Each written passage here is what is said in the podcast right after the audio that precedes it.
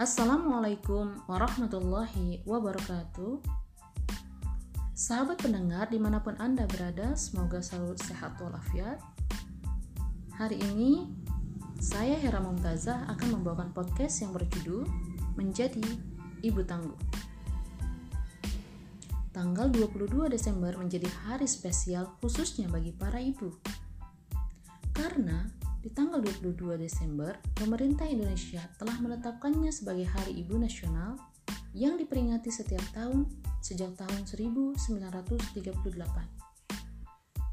Momentum peringatan Hari Ibu juga mengenang Kongres Perempuan Indonesia yang pertama kali dilaksanakan tanggal 22 hingga 25 Desember tahun 1928. Ibu mempunyai peranan dalam membangun peradaban, terutama peradaban Islam yang gemilang di masa lampau.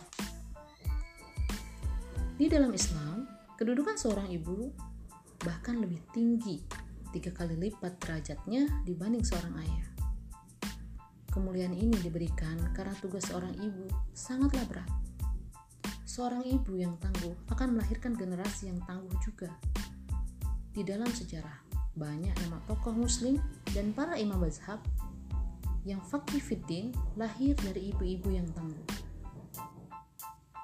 Tokoh-tokoh ternama yang lahir dari ibu yang tangguh antara lain yang pertama Al-Hansa ia adalah seorang ibu dari para mujahid yang berangkat bersama empat putranya maju ke medan perang Qadaisyah saat kaum muslimin melawan tentara Persia.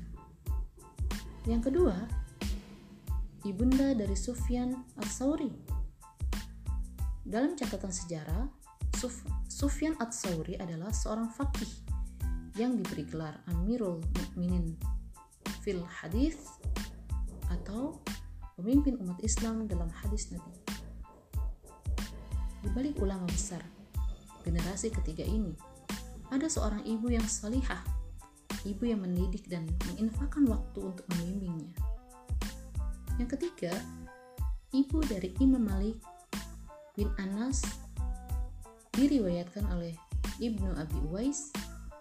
Ibunda Imam Malik adalah ibu yang peduli dengan pendidikan, terutama pendidikan di bidang akhlak dan adab.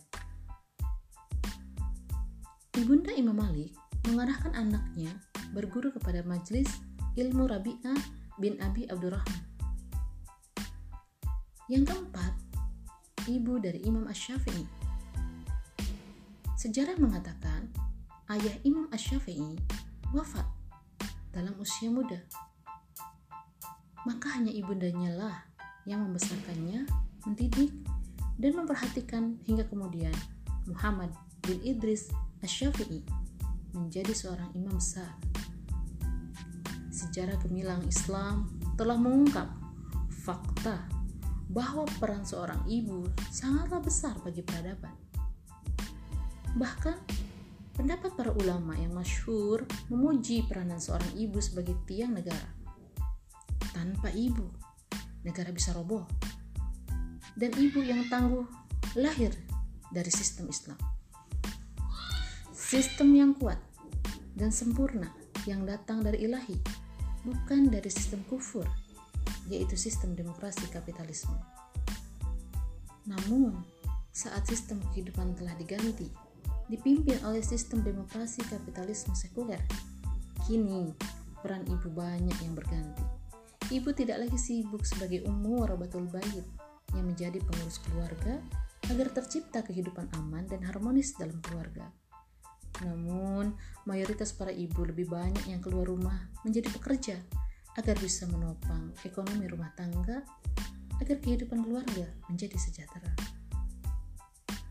Padahal di dalam Islam, kesejahteraan warga negara akan dijamin oleh negara Islam, termasuk pada kebutuhan sandang, papan, pangan, kesehatan, pendidikan, dan keamanan.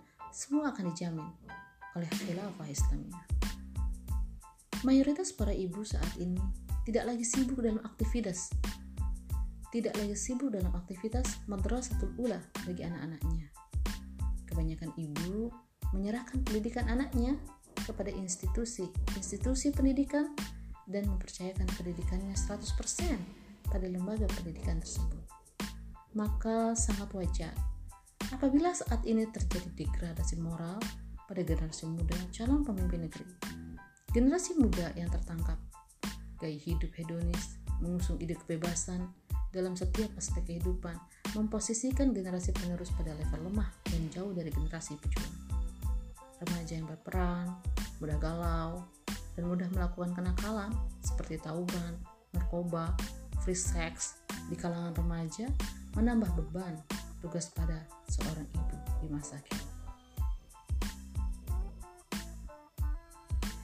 Allah Subhanahu wa taala berfirman, "Wahai orang-orang yang beriman, jagalah diri diri kalian dan keluarga kalian dari api neraka yang bahan bakarnya adalah manusia dan batu." Berdasarkan dalil di atas, tanggung jawab penjagaan akidah dan ketakwaan anak-anaknya agar senantiasa kuat adalah ditopang oleh keluarga, khususnya orang tua. Termasuk peran ibu Lantas apa dan bagaimana agar kita bisa menjadi ibu yang tangguh di tengah-tengah sistem demokrasi kapitalisme yang penuh dengan kerusakan? Yang harus dilakukan antara lain, yang pertama, seorang ibu harus mempunyai ketakwaan kepada Allah. Para ibu dengan ketakwaan tinggi akan menghujani anak-anak mereka dengan cinta dan kasih sayang yang besar. Ia akan menyempurnakan pengasuhannya, mendidik dengan sabar hingga anaknya dewasa mampu mengarungi gelombang kehidupan yang menerpanya dengan berpegang teguh pada syariat. Yang kedua, seorang ibu juga harus punya banyak ilmu, terutama ilmu agama. Bisa mendidik generasi dengan sakofa Islam, serta mampu melindungi generasi dari pemikiran asing yang merusak. Yang ketiga, seorang ibu juga harus menguasai ilmu-ilmu umum, termasuk ilmu sains dan teknologi. Para ibu harus melek teknologi, karena saat ini sudah masuk pada era digital 4.0. Penguasaan ilmu sains dan teknologi dikuasai untuk membimbing dan mendampingi anak-anak agar mampu memanfaatkan kemajuan teknologi dan menjauhkan anak dari efek negatif dari teknologi tersebut. Yang keempat, seorang ibu juga harus mempunyai ilmu memasak agar bisa menyajikan masakan yang bergizi, asupan gizi yang seimbang, mampu mencetak generasi cerdas, kuat secara fisik dan mental. Yang kelima, seorang ibu juga harus mempunyai kecakapan emosi yang baik, karakter yang lembut. Ibu akan mempengaruhi karakter anak-anaknya apabila diasuh oleh ibu dengan karakter yang menyenangkan dan bersahabat, maka jiwa anak-anak pun akan tenang. Memahami tugas ibu sebagai pencetak generasi rabani adalah langkah awal untuk membangkitkan generasi dari degradasi moral yang terjadi saat ini dibarengi dengan perjuangan perbaikan sistem agar sistem khilafah tegak dan mampu memuliakan dan mengoptimalkan peran seorang ibu sebagai tiang negara. Dengan demikian, mereka siap menjadi pendidik dan pencetak generasi mumpuni yang akan membawa umat ini ke depan menuju kepada kebangkitan yang hakiki. Insya Allah. Wallahu a'lam bishawab. Assalamualaikum warahmatullahi wabarakatuh.